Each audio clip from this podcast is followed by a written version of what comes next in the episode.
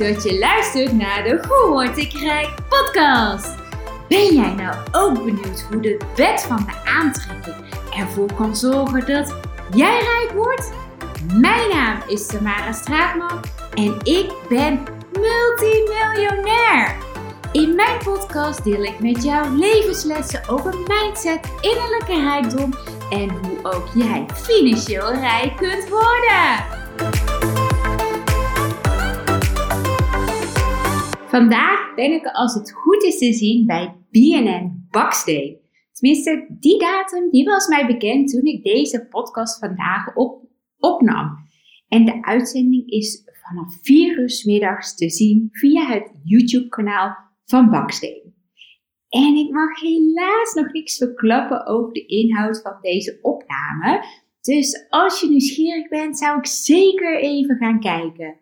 En wat ik wel kan verklappen is dat het een superleuke opname was. En dat het wellicht iets te maken heeft met mijn leven als miljonair.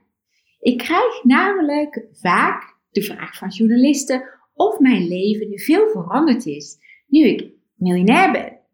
En of we dat nou in deze opname van BNN bespreken, who knows. Maar vandaag gaat deze podcastaflevering dus wel over het leven voor en na als multimiljonair. Want niet alleen journalisten stellen graag deze vraag, ook word ik regelmatig door bekenden op deze manier bevraagd. Want hoe is dat nou? Een leven zonder financiële zorgen. Want veel mensen, en misschien ook jij, hebben hier een beeld van als dit jouzelf zou overkomen. Misschien heb je dat beeld wel deels positief als negatief. Of misschien enkel wel positief of enkel zelfs negatief. Al geloof ik ook dat elke ervaring totaal anders is en voor iedereen echt specifiek is. En dat het ook nooit is zoals je het van tevoren bedacht had. Ik ben bijvoorbeeld een eeuwige optimist en ik zie het leven rooskleurig in. Ik zie het goede in de mens en ga ervan uit dat mensen zijn zoals ik zelf ben.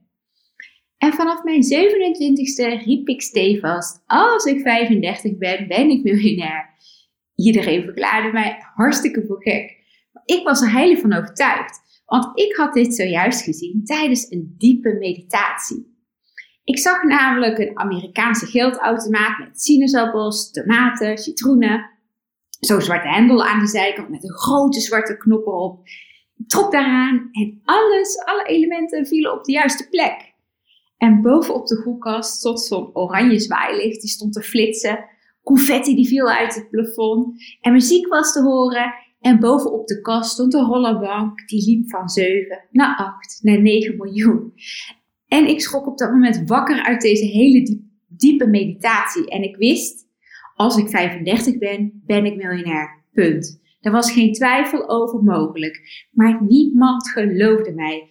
En ik werd vaak echt voor Jomanda uitgemaakt of zweefteef. Mensen zaten mij in de zijk te zetten. Er werd heel vaak heel lullig gedaan. Alleen Osman, die geloofde wel heilig in mij. En intuïtief had ik op dat visioen allerlei bedrijfsplannen uitgewerkt die hoorden voor mijn gevoel bij dit geld. Mijn hoofd dacht natuurlijk 1 en 1 is 2. Die plannen die leidden mij tot het geld. Nou, vol vertrouwen ging ik op zoek naar financiering voor deze bedrijfsplannen. Ik zocht banken en crowdfunding platforms, maar kreeg afwijzing op afwijzing. Ik snapte er helemaal niks van. Ik had het toch goed gezien. En mijn volgende logische invulling was een contract met John Mol. Zoals Sonja Bakker dat ook had, maar dan in de coachingsvariant. Want ik was in die periode talloze keren in de media te horen en te zien over hoe mindset in relatie staat tot geluk, gezondheid en succes in het leven. Dus ik dacht wederom, 1 in 1 is 2. Maar goed, ook dat liep anders dan gedacht en ik begon eigenlijk wel een beetje te twijfelen aan mijn visioen. Maar tegelijkertijd, het vreemde was ook dat al mijn andere voorspellingen wel uitgekomen waren. Maar ook daar zat mijn hoofd soms verkeerd qua invulling. Maar de uitkomst, mijn intuïtie, die klopte altijd wel. Zo kan ik me nog heel goed herinneren dat ik op een donderdagmiddag door het winkelcentrum naar de Albert Heijn liep om boodschappen te doen. En op dat moment schoot er een gedachte door mijn hoofd. Morgen om 12 uur wordt er slecht nieuws bekendgemaakt over een man. Mijn, mijn hoofd, die dacht op dat moment, oh, dat zal wel over de opa van mijn ex gaan, want die ligt op dit moment in slechte toestand in het ziekenhuis. Dat was voor mij weer 1 in 1 is 2. Maar een seconde later vloekte in één keer zo de volgende gedachte in mijn hoofd. En die was, of zal het over Prins Friso gaan? En mijn eigen hoofd dacht op dat moment ook koek Maar de volgende dag, vrijdagsmiddags, kreeg iedereen om 12 uur een berichtje op zijn telefoon dat Prins Friso een ernstig ski-ongeluk had gehad, in levensgevaar was en in coma werd gehouden. En op dat moment stond ik echt op mijn benen te shaken. Ik vond het doodeng. Ik ging naar een medium en ik vroeg haar om advies. En ze vertelde mij dat ik voorschouw had en dat maar weinig mediums dat hebben. Ik heb nooit een opleiding gevolgd tot medium, maar ze verklaarde wel dat belangrijke dingen, en daar kan ik mezelf in vinden, dat belangrijke dingen die in de toekomst staan te gebeuren, dat die in de energie, in het universum beschreven staat. En dat ik het vermogen met mijn intuïtie heel makkelijk daarop in kan tappen. En die energie, energie kan verklaren naar een gevoel, een gedachte of een beeld. En mijn eigen verklaring daarvoor is dat ik mijn intuïtie dus heel goed heb weten te ontwikkelen. Doordat ik met NLP, neurolinguistisch programmeren, aan de slag ben gegaan. Ik heb namelijk een traumatische jeugd gekend met een moeder die psychisch ziek was en een dominante vader die aan de alcohol verslaafd is. En toen ik op mijn 23ste, door alles wat er in het verleden is gebeurd, mezelf enorm tegenkwam. Ik wilde op dat moment niet langer leven. Zo extreem kut voelde ik mij toen. Besloot ik om op eigen houtje met mezelf aan de slag te gaan. En eerst, achteraf gezien, enkel op cognitief niveau. Zoals bijvoorbeeld een psycholoog of andere therapeuten met jou kunnen werken. Alleen, ik merkte dus ook op dat dit niet voldoende was. Ik was namelijk niet alleen heel depressief op dat moment, maar ik had ook allerlei lichamelijke chronische klachten, zoals darmontsteking, uh, eczeem, extreme moeheid. Ik had heel veel last van mijn lage rug, uh, spierspanningen, vegetatieve klachten, wat een ontregeld zenuwstelsel betekent. En ik merkte dus op in die periode dat wanneer ik cognitief met mezelf aan de slag ging, dat dat deels een verlichting gaf van die emotionele en die fysieke problemen die ik zojuist beschreef. Maar wanneer er weer veel stress in mijn leven aanwezig was, dat alle klachten weer opnieuw op de stoep stonden te kloppen. En intuïtief wist ik, er is nog een verdieping lager. Al kon ik daar niet echt heel erg mijn vinger op leggen, ik voelde het wel. En achteraf bleek ook dat, weer, dat gevoel weer heel juist te zijn. Want met NLP kwam ik de wondere wereld van het onderbewustzijn tegen. En dat dit niet alleen jouw emotionele en fysieke welzijn een afspiegeling hiervan zijn, maar ook dat de kwaliteit van de relaties in jouw leven, de zakelijke successen enzovoort, een afspiegeling zijn van dit onderbewustzijn. En dankzij NLP maakte ik dus een enorme transitie door. Ik raakte hierdoor blijvend die chronische klachten waar je normaal gesproken nooit meer vanaf zou komen, die raakte ik blijvend kwijt. Ik raakte daardoor gefascineerd door de wet van de aantrekking en ik las heel veel boeken over kwantumfysica en epigenetica. Wel, kwantumfysica is door Einstein ontdekt en dat laat ons zien dat alles energie is en energetisch met elkaar verbonden staat. Het universum. En epigenetica is hierop verder geborduurd. En deze wetenschappelijke studie die heeft aangetoond dat 97% van alle erfelijkheid dus niet erfelijk is, maar dat dat puur kopieergedrag is van onze omgeving, hoe wij zijn opgevoed. En dat had ik dus zojuist zelf ontdekt. Dat was dus gewoon wetenschappelijk bewezen en onderzocht. En ik vond iedereen heeft recht en toegang tot deze kennis. Want hoe fijn is het als jij jarenlang te horen hebt gekregen dat jij een chronische aandoening hebt waarvan jij niet zou kunnen genezen, maar met deze nieuwste inzichten jezelf wel kunt genezen. Dat wil toch iedereen? Alleen, ik had echt een dik probleem. Namelijk, ik had enorme faal- en spreekangst. Maar goed, met de kennis van NLP op zak ging ik ook op dit gebied enorm met mezelf en met belemmerende gedachten aan de slag. Ik merkte dus allerlei hardnekkige overtuigingen die deze angsten, maar ook voor andere angsten zorgden. Want ik had ook heel erg een heel laag zelfbeeld. Maar ik had ook heel erg last van verlatingsangst. Allemaal dingen die ik in mijn jeugd heb opgedaan. En ik merkte tijdens mijn persoonlijke ontwikkelingsreis, merkte ik ook op dat niet alleen die fysieke emo emotionele klachten verdwenen bleven, maar ook dat hoe minder blokkades ik had, dus hoe minder ik uit mijn hoofd leefde, hoe sterker mijn intuïtie werd. Ik gebruikte al mijn zintuigen. En in NLP-termen noemen we dat ook wel het verifiëren zintuigensysteem. Ik ontdekte ook dat dit is wat wij allemaal kunnen ervaren. Alleen de meeste van ons die leven helaas volledig uit het hoofd. Die gebruiken enkel de bovenste zintuigen. Maar als kind zijn wij dus allemaal geboren met deze unieke eigenschappen. En door onze opvoeding, maar ook door de dingen die wij meemaken, sluiten wij dit magische goedje, het intuïtieve, sluiten we steeds meer af. En sommige van ons die zullen nog wel naar die intuïtieve stem kunnen luisteren, maar sommigen negeren hem. Ze luisteren naar dat analytische hoofd. Misschien herken je jezelf daarin. En anderen zijn weer compleet geblokkeerd. Ze voelen hun lijf eigenlijk nog amper. Terwijl het doodzonde is, want het is natuurlijk iets wat ons zoveel meer wijsheid kan brengen. Want zodra je dus vanuit de intuïtie gaat leven en vanuit daar je brein aanstuurt tegen gedrag, ga je dus veel betere keuzes maken. Een voorbeeld wat ik bijvoorbeeld vaak geef is de tsunami in Thailand op tweede kerstdag. En de bergbewoners die daar woonden en dus dicht bij hun intuïtie staan, maar ook de dieren die natuurlijk enkel het instinctieve kennen, die voelden onheil naderen en die hebben zichzelf allemaal in veiligheid gebracht. En de andere mensen die voelden dit onheil helaas niet, of ze hebben niet naar hun intuïtie geluisterd, met alle gevolgen van die. Mijn schoonvader bijvoorbeeld, die zou destijds in die periode in Thailand op vakantie zijn geweest.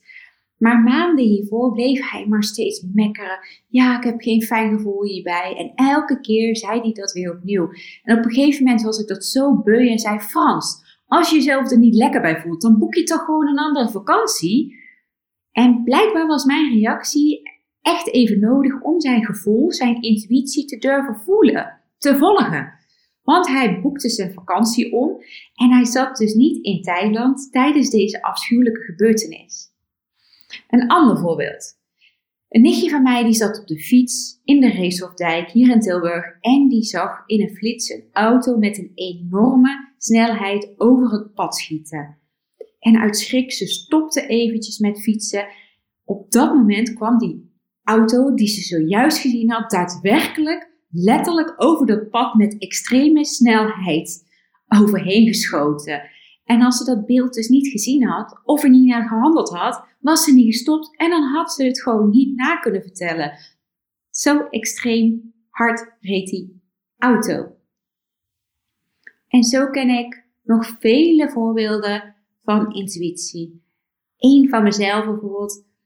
Ooit heb ik bij Q-Music een vakantie gewonnen omdat ik intuïtief wist, ik moet nu C-sms'en. En ik wist totaal niet waar het over ging. Alleen dat ik een vakantie kon winnen naar Portugal. Ik hier heel graag heen wilde. En op dat moment geen geld had om op vakantie te gaan. En na een paar minuten, toen, we hadden nog geen smartphones, toen werd ik gebeld door een onbekend nummer, op mijn oude Nokia volgens mij nog. En intuïtief wist ik toen, dit is Key Music. Die gaat mij vertellen dat ik de vakantie gewonnen heb. En mijn collega die verklaarde me echt voor gek. Maar ik had wel gelijk. Maar goed, back on track. Want ik ervaarde dus dat ik steeds minder blokkades had, steeds minder vanuit mijn hoofd ging leven en steeds intuïtiever in het leven kwam te staan. En dat had dus niet alleen een enorme positieve uitwerking op mijn emotionele en fysieke gezondheid, maar ook die angsten werden aanzienlijk minder. De spreekangst, de faalangst, het lage zelfbeeld, verlatingsangst, die namen hierdoor af. En ik kwam er ook steeds beter uit te zien. In totaal viel ik zelfs spontaan 25 kilo af. Door alleen maar lekkerder in mijn vel te zitten en andere keuzes te maken. Minder vanuit het hoofd, meer vanuit intuïtie, vanuit mijn hart. En ik was echt overal in de media te horen met mijn persoonlijke levensverhaal. En als binnenkomer gebruikte ik stevast dezelfde foto als introductie van mijn bizarre metamorfose. En als je mij volgt op social media, kun je deze foto terugvinden op de dag dat deze podcast online kwam, 4 oktober. Zodra je deze foto ziet, snap je waarschijnlijk ook waarom ik bij alle journalisten een diepe indruk achterliet. Ze vonden mijn verhaal enorm boeiend en inspirerend. En de wet van de aantrekking was op dat moment nog niet zo'n bekend fenomeen in Nederland. The Secret was net uitgekomen, een boek over het kwantumveld dat Einstein ooit had ontdekt. En ik was vast fanatiek en vastbesloten, want iedereen had recht op deze kennis. Letterlijk overal was ik te zien en te horen. Niet alleen met interviews in de regionale en landelijke media, in kranten, magazines, tv-shows. Ook stond ik regelmatig op het podium als spreker en deed ook zelfs regelmatig een modellenklus. Ik timmerde hard aan de weg als NLP-coach en gaf niet alleen één coaching, maar ook groepsessies in de thuiszetting. En toch bleef het altijd kriebelen naar meer ondernemen en veel impact maken. Dat was namelijk een enorme drijfveer voor mij toen al. Ik vond het dan ook heel frustrerend dat mijn uitgewerkte bedrijfsplannen, dat ik die niet verder kon ontwikkelen. En inmiddels was ik 34 en ik werkte fulltime als manager in een kledingwinkel en daarnaast was ik druk met mijn eigen coachingspraktijk en verkocht ik ook ecologische verzorgingsproducten en make-up via mijn webshop. Ik werkte met gemak zo'n 80 uur in de week en had veel plezier in het leven. Ik ging heel veel uit met vriendinnen en ik had het echt prima naar mijn zin. Wel kon ik maandelijks net rondkomen, want ik wilde natuurlijk de leuke uitjes niet missen en alle extra's die investeerde ik terug in mijn bedrijf. Maar toen overleed mijn moeder plotseling. En met haar ook mijn enorme drijf om de wereld een betere plek te maken. Ik dacht, ik ga voortaan net als iedereen 40 uur werken. En ik geloof het wel. Ik had namelijk een hele sterke band met mijn moeder.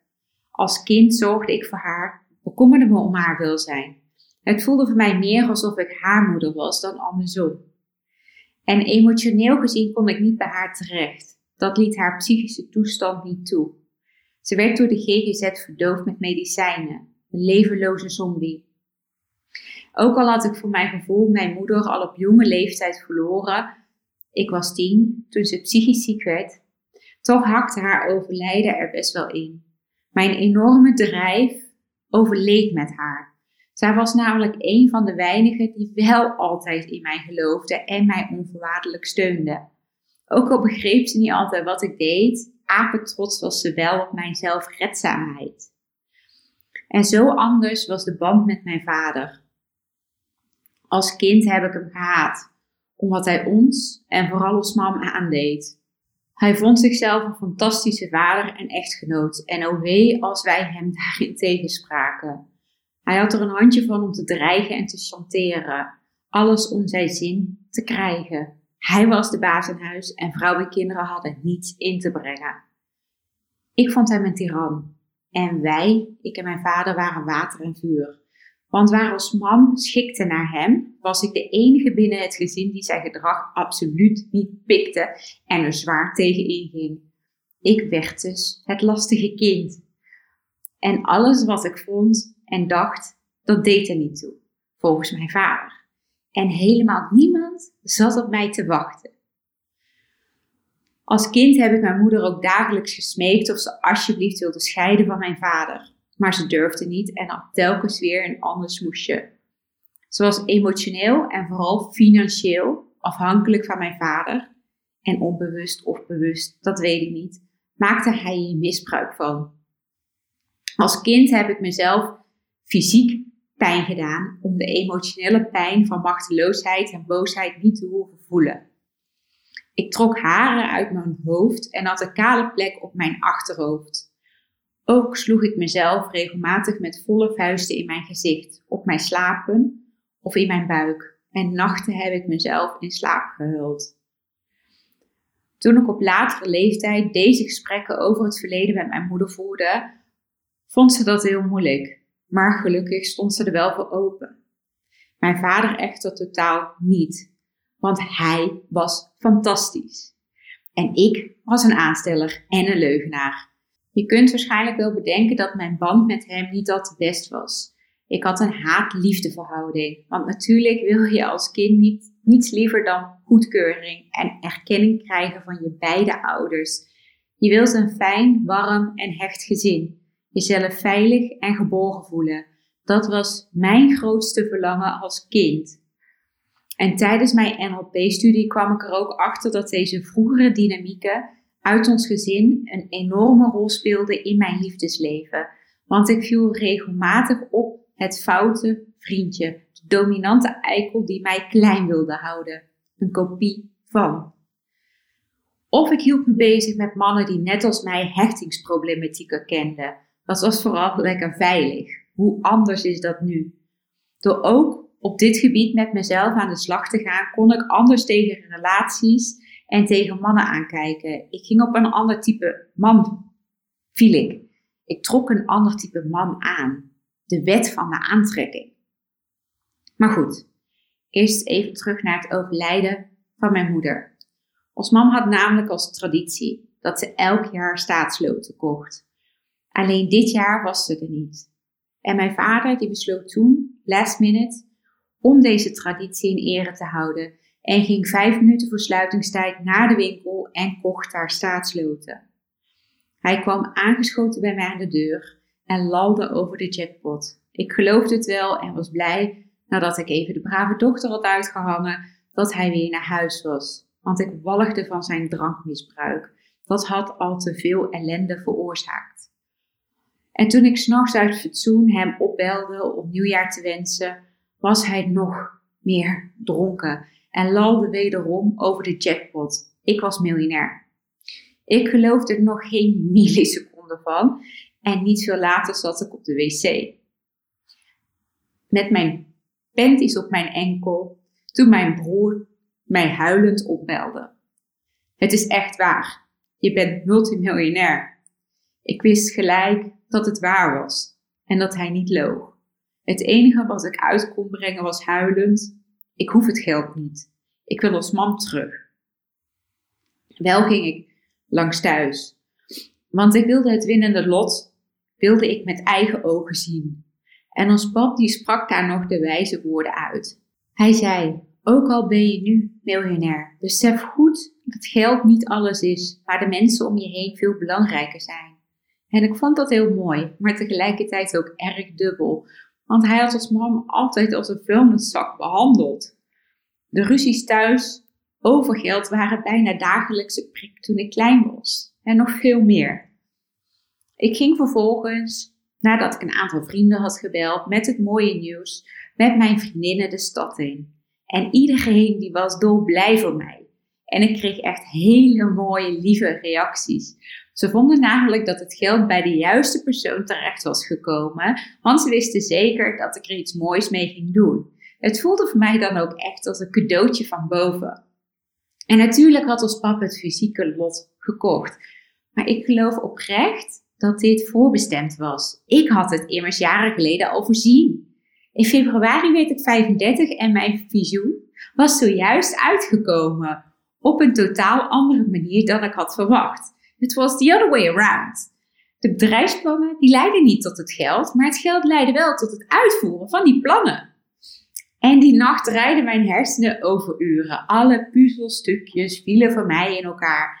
Jarenlang had ik mezelf hierop voorbereid. En nu was het in één keer hier. Het voelde ook helemaal niet onwerkelijk, want ik had altijd al gevoeld dat het zou gaan gebeuren. Alleen niet op de manier hoe ik het met mijn hoofd had bedacht. Toch klopte wederom mijn intuïtie, de uitkomst.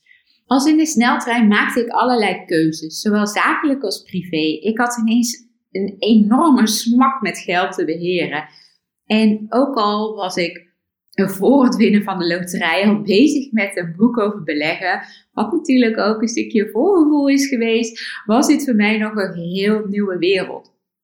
Ik sloot mezelf aan bij Tonic. Dat is een internationaal netwerk van impact investors. En ik volgde daar allerlei trainingen over impact investment.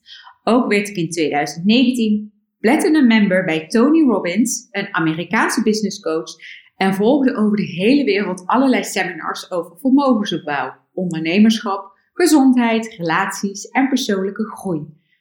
Ook brak ik definitief met mijn vader en met mijn broer. Sinds mijn moeder overleden was, had ik steeds minder reden om thuis te komen, want gezellig, nee, dat was het niet. Ook het gedrag begon me steeds meer tegen te staan. En waar ik eerst nog enigszins de lieve vrede wilde bewaren voor mijn moeder, had ik daar nu absoluut geen zin meer in. En mijn broer die trok sinds het overlijden van mijn, van mijn moeder erg naar mijn vader toe. En waar hij zich eerder nooit bemoeide wanneer ik weer een interview gegeven had aan de media over mijn verleden en hoe ik hier sterker uit was gekomen, ging hij nu de aanval in. En ik was daar op een gegeven moment, was ik daar zo klaar mee, dat ik afstand nam. Want ik wilde niet langer een poppenkast spelen voor de buitenwereld. En toen ik besloot mijn boek Jackpot, de sleutel tot innerlijke rijkdom uit te brengen, keerde zowat de hele familie van mijn vader zich tegen mij. Want hoe haalde ik het in mijn hoofd? Dankzij hem kon ik nu het leven leiden wat ik nu leef als miljonair. Alsof het een het ander goed maakt, denk ik dan. Het maakte mij alleen maar serieus, die gedachte, die houding van hen. Alsof een zak met geld alles uit het verleden goed maakt? Niet voor mij. Geld is makkelijk om te hebben. Alleen is mijn leven er niet per se leuker op geworden. Ik had het namelijk al enorm naar mijn zin nadat ik met NLP mijn trauma's uit mijn jeugd had weggepoetst. Daar kan geen zak met geld tegenop. En ik zou het geld zo weer inleveren als ik daarvoor mijn jeugd kon overdoen. Dit keer in een warm, stabiel en liefdevol gezin. Want hoe anders was dan mijn start geweest in de maatschappij? Want geld verdienen is namelijk iets wat iedereen kan. Hard werken ben ik nooit vies van geweest. Ik kon mijn eigen boontjes wel doppen. Maar liefde en geborgenheid, dat, zijn, dat is voor mij de basis. De start van een gezonde en stabiele basis. Hoe jij jezelf staande kan houden in deze maatschappij. Hoe jij evenwichtig als volwassene jouw plek inneemt. Die basis heb ik mezelf moeten geven in mijn twintig jaren. En daar heb ik kei en keihard voor gewerkt. NLP heeft mij gered. En niet die zak met geld. En natuurlijk is het fijn om geen financiële zorgen te kennen. Geld maakt het leven makkelijker. Maar geluk is toch echt een innerlijke beleving. En sommigen van ons die hebben bijvoorbeeld weinig te besteden en zijn heel gelukkig. En anderen van ons zullen misschien geld of materialisme in overvloed hebben. Alleen van binnen voelen ze zich echt alles behalve happy. En ik heb het beste van beide werelden. Gelukkig was ik al. En nu ben ik een gelukkige miljonair die op mijn manier mijn eigen leven leidt. En na wat turbulente jaren met familie, maar ook een verandering in mijn vriendenkring, het opstarten van een bedrijf, veel trainingen en seminars gevolgd te hebben in het buitenland, een nieuwe woning heb gekocht, inclusief een hele verbouwing, veel mooie reizen gemaakt met dierbaren en een hele fijne liefde in mijn leven heb gevonden, kan ik toch wel stellen, mijn grootste verlangen als kind heb ik eindelijk kunnen creëren als volwassene. Een liefdevol en warm gezin.